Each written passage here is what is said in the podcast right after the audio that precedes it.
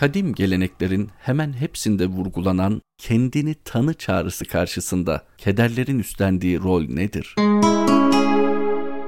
İnsanın kendi özel yaratılışını, fıtratını, kendi maddi ve manevi özelliklerini fark edebilmesi için hiç şüphesiz başından bir takım hadiseler geçmesi gerekmektedir. İnsanın kendisini tanıması ve başka insanlardan ayrımını algılayabilmesi için kederler, acılar aslında bir danışmanlık görevi yaparlar. Rabbimiz bizi acaba hangi esmasının tecelligahı olarak yarattı? Bizim tabiri caizse hamurumuzu en çok neyle yoğurdu? Bizim güçlü ve zayıf yönlerimiz acaba nelerdir? Bizim diğer insanlardan farkımız nedir? Özelliklerimiz nelerdir? Bunların tespiti için başımızdan geçmesi gereken bu hadiseler, bu musibetler zaruri, gerekli ve değerlidirler. Olumlu veya olumsuz insanın başından geçen bütün hadiseler onun kendinin varlığına şahitliğiyle neticelenmektedir. İnsanın iç evreni dış evren gibi sonsuz ve sınırsızdır. Orada keşfedilmeyi bekleyen sınırsız sayıda hazineler vardır. Nefsini bilen Rabbini bilir hadis-i şerifi penceresinden baktığımızda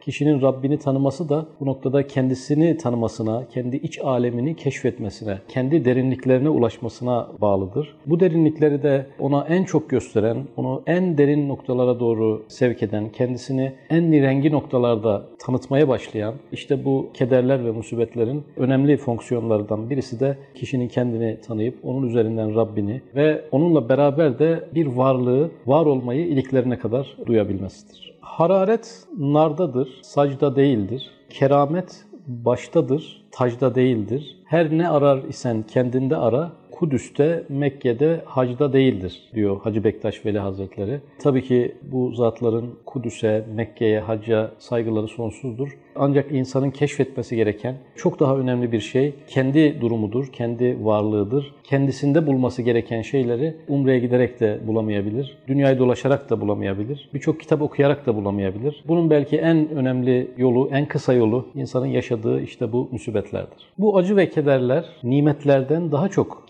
kendimizi keşfetmeye kendimizi anlamamıza yardımcı olurlar. Şimdi müsibetlerin ve kederlerin işte bu bölüme kadar birçok hikmeti anlatıldı. Bu hikmetler acaba sadece bu hikmetleri bilenlere mi ulaşmaktadır? Hayır, insanın bu hikmetlerden haberi olmasa bile, bu tahlil ve analizleri yapamıyor olsa bile bu katkılardan mahrum kalmayacaktır. Mesela meyve yiyen bir insan onun vitaminlerini, proteinlerini, vücuda faydalarını bilmiyor olması onun vücuduna yapacağı yarara engel olmadığı gibi hatta bazen insan yediği şeyin adını bile bile bilmese ondan faydasına bu mani olmayacağı gibi yaşadığı musibetin tahlil ve analizini yapamamış olması onun bu kendini tanıma gibi bu bölüme kadar saydığımız ve çalışma boyunca aktaracağımız bütün hikmet ve faydalardan kopuk bir yorum yapıyor olması bile o faydalardan onu mahrum bırakmayacaktır. Çünkü bu Cenab-ı Hakk'ın insanlara lütfudur. Bilgi ve bilgisizlik ayrımı gözetmeksizin Rahman ismi nasıl her şeye yansıyorsa musibetlerdeki bu katkı ve hikmetler de onun anlamını bilen veya bilmeyen herkese yansımaktadır. Thank you.